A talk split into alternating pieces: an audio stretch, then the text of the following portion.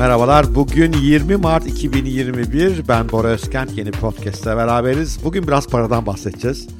Şimdi para deyince hep böyle insanlar parasızlıktan yakınıyor, paranın peşinde koşuyor, daha fazla para nasıl kazanırım, biriktiririm vesaire.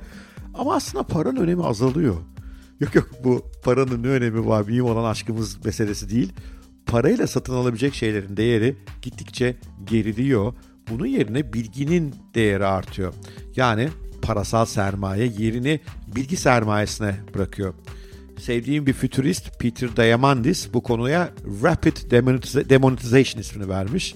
Hızlı parasızlaşma. Yok bu parasız kaldığınız anlamına gelmiyor. Bu paranın öneminin azaldığı anlamına geliyor. Onun kitabı Bolluk Abundance'da bunu bolca örnekle anlatmış. Şimdi gelin bugün biraz bu para önemi nasıl azalıyor? Paranın yerine ne alacak? Entelektüel sermaye demek ne demek? Entelektüel sermaye neden? Esas büyük servet. Biraz bunlardan bahsedelim. Size biraz ufuk açmaya çalışalım. Haydi başlıyoruz. Diamandis Abundance yani bolluk adlı kitabında enteresan bir tablo veriyor. Ve diyor ki bir zamanlar 900 bin doların üzerinde para harcamanız gereken şeylere şu anda bedavaya ulaşıyorsunuz diyor. Örnekler şöyle mesela video conferencing işte şu anda Zoom'da bunu belli bir limite kadar rahatlıkla bedava yapıyorsunuz. İlk bunu Compression Labs VC diye bir şirket 1982'de yapmış. Maliyeti 250 bin dolara geliyormuş o zamanlar. Enflasyonda bugüne çekseniz 600-700 bin doları buluyor.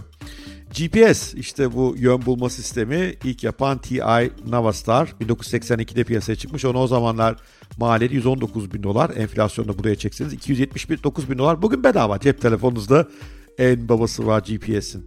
Dijital ses kayıt sistemi, Digital Voice Recorder, Sony PC yani 1978'de ilk kez yapmış. 2500 dolarmış o zamanki fiyatı. Bugün almaya kalksanız enflasyondan dolayı 8867 dolara gelecek. Oysa sizin elinizin altında bedava cep telefonunuzda var. Dijital saat ilk yapan Seiko 35 SQ Astron 1969'da çıkmış 1250 dolar. Bugünkü fiyatıyla 7716 dolar. Seiko'ları hala seviyoruz ama 7716 dolar veren olur muydu? Emin değilim enflasyon düzeltilmiş haliyle. Müzik e, çalan bir cihaz diyelim. Mesela Sony'nin ilk CD player'ı 1982'de piyasaya çıkıyor. 900 dolar fiyatı. Bugünkü enflasyon düzeltilmiş hali 2113 dolar. O da bedava cep telefonunuzun bir parçası. Ansiklopedi. Bırakın fiziksel ansiklopedilere.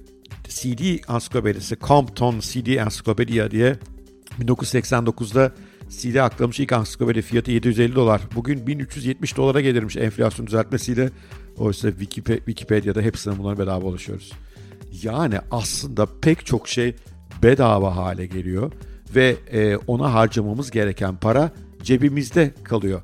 Fiziksel ürünlerden kurtuluyoruz ya bunlar işte cep telefonu gibi tek bir fiziksel üründe toplaşıyorlar ya da o da olmuyor birer hizmete dönüşüyorlar. Nasıl mı oluyor?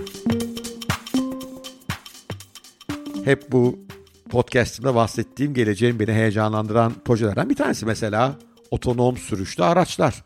Otonom sürüşlü araçlar demek demek? Otonom taksi filoları olacak. O durumda otomobil satın almanıza gerek kalmayacak. Çünkü otonom taksi filoları sizi daha ekonomik, daha güvenli bir şekilde istediğiniz yere aktarıyor olacaklar. Fiziksel ürünlerin tamamen ihtiyacını ortaya ortadan kalktığı bir dijital hizmete dönüşecekler. Bunları Netflix'te yaşadık, Spotify'da yaşadık.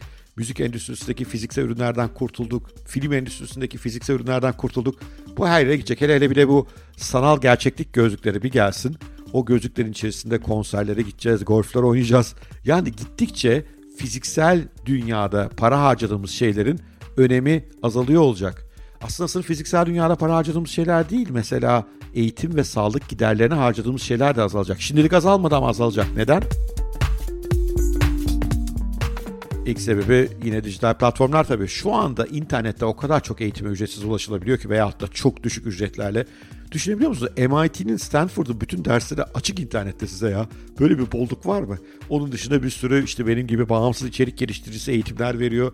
Veyahut da işte belli ücretli platformlarda eskiden harcayacağınız paranın çok çok çok daha küçük miktarlarıyla bir sürü eğitime ulaşabiliyorsunuz. Zaten üniversitelerde bu yarışın içindeler şu anda ve kampüslerindeki dersleri oraya yüklemeye çalışıyorlar. Bunların bir kısmını bedava, bir kısmını işte çok küçük ücretlerle geniş kitlelere sunuyorlar. Böylece eğitim de ucuzluyor. Evet biliyorum benim de çocuğum özel okula gidiyor çok para veririz ama o ülkemizin sistemsel saçmalığı aslında dünyada ölen bir şey ve muhtemelen çocuğum üniversite masraflarını o kadar da Dert etmeyeceğim kendime. Bu kadar ondan yer varken üniversitede para mı harcanır canım? Bir diğer çok büyük para harcadığımız yer sağlık giderleri. Ee, inanılmaz yani Türkiye'nin bütçesini resmen sarsıyorlar. Amerika'da falan da öyle. İlaç şirketleri, hastaneler, doktorlar yani o ne para gidiyor buralara. Oysa aslında mesela DNA dizilimini çözen teknolojiler, gen editasyonu yapan CRISPR teknolojisi gibi teknolojiler bütün bunları yapmaya çalışacağı şey aslında sağlıklı bir devrim yapacaklar ve bugünkünden çok daha düşük bir maliyetle biraz DNA'larımızda ufak modifikasyonlarla bizi iyileştiriyor olacaklar. Burada da yine bu dünyaya harcamamız gereken paranın ciddi şekilde azaldığını görüyoruz. Peki bunların yerine ne değer kazanıyor? Biraz ona bakmak lazım. Çünkü buralara harcanan paranın azalıyor olması demek buralardaki endüstrilerdeki, bu endüstrilerde çalışan şirketlerdeki, bu şirketlerde çalışan bireylerdeki gelirin de düşmesi anlamına geliyor. E siz de bir bireysiniz veya bir şirket sahibisiniz. Biraz geleceğe parlak bakmak lazım. Geleceğe akıllıca bakmak lazım. Para nerede diye bakmak lazım. İşte orada entelektüel sermaye devreye giriyor. Google X'in kurucularından ve Google'un e, kendi kendine giden otonom araçlar projesini ilk yönetenlerden birisi olan Sebastian Trun bu konuda ilginç örnekler veriyor. Mesela diyor ki Uber diyor Otto'ya 700 milyon dolar para verdi diyor. Otto o, da, o dönemde 6 aylık bir şirket 70 çalışanı var otonom sürüş üzerine çalışan 700 milyon dolar 70 çalışan için verilmiş yani çalışan başı 10 milyon dolar para ödenmiş. General Motors da aynı şekilde Cruise diye bir otonom şirketi, otonom sürüş şirketi satın aldı 1 milyar dolara. Rakamlar aşağı yukarı orada da benzer. Orada çalışan sayısı biraz daha fazla ama yine ortalama 10 milyon dolara geliyoruz. Yani güçlü bir e, bilgi çalışanınız varsa işte yapay zeka, büyük veri gibi konularda çalışan çalışan başı değeriniz bir anda 10 milyon dolara sıçrıyor. İşte entelektüel sermaye bu. Geleceğin işleri bunlar.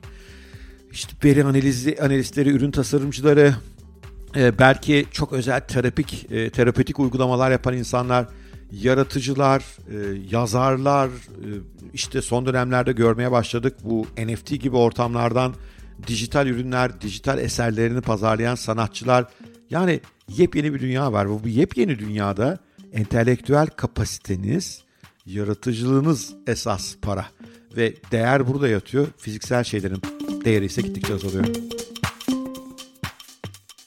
Şimdi buradan tabii siyasi çıkarım yapmak istemem ama Türkiye'nin ne yazık ki yönetim zihniyetinde bu sadece devlet yönetiminde değil şirketlerde de aynı. Hala fiziksel dünyanın değerine inanılıyor çok. İşte evler yapalım, araba üreten fabrikalar yapalım, üretim, üretim, üretim. Ya pek öyle değil aslında. Esas konunun kaydığı yer, büyük paranın oluştuğu yer şu anda bilgi ekonomisi. Bilgi ekonomisi deyince biraz önce üstte saydığım sektörler, sanatçılık, yaratıcılık, bilgi, veri, yapay zeka, esas dünya buna doğru evriliyor ve büyük para da burada yatıyor. Siz de şirketinizin eğer bir şirket sahibi veya yöneticisiyseniz entelektüel sermayesinin rakiplerden üstün olmasına kitlenin. Esas para edecek şey o. Neden sizin şirketiniz bir sonraki işte bu Google'un veyahut da General Motors'un satın aldığı firmalardan birisine dönüşmesin? Siz bir bireyseniz de sermaye birikiminizi para üzerine değil bilgi üzerine yapın okuyun, geliştirin kendinizi. Yani çünkü okuduğunuz her şey bilgiye dönüşüyor. Bilgiye dönüşen şey yaratıcılığa, yeni fikirlere dönüşüyor. O entelektüel sermayeye dönüşüyor ve böylece aslında gerçek geleceğin zengini haline geliyorsunuz. Evet, fikir bu temelde. Lütfen fiziksel dünya, fiziksel ürünler, para bunları boş verin. Yeni dünya entelektüel sermayenin para ettiği yer. Entelektüel sermayenin kolayca paraya dönüşebildiği bir yer. Yarın bunu yarınki podcast'ta anlatmayı düşünüyorum. Yaratıcılarla onların müşteri arasındaki aracıların yok olduğu bir dönem. İşte son dönemdeki NFT'ler buna ciddi bir örnek ama daha başka bir sürü örnek var. Yarın üzerine duracağım. Ve siz yeter ki entelektüel sermayenizi geliştirin. Onu paraya dönüştürmek kolay. Ben bir entelektüel sermaye ürünüsüyüm. İşte podcastlerimle, eğitimlerimle, yazılarımla para kazanıyorum kulübüm var. O kulübe aboneler var. Onlar benim entelektüel sermayemden dolayı aboneler para veriyorlar. İşte demek ki bu Türkiye'de mümkün aslında. Daha fazla detay yarınki podcast'te. Görüşmek üzere. Sevgiyle kalın. Hoşçakalın.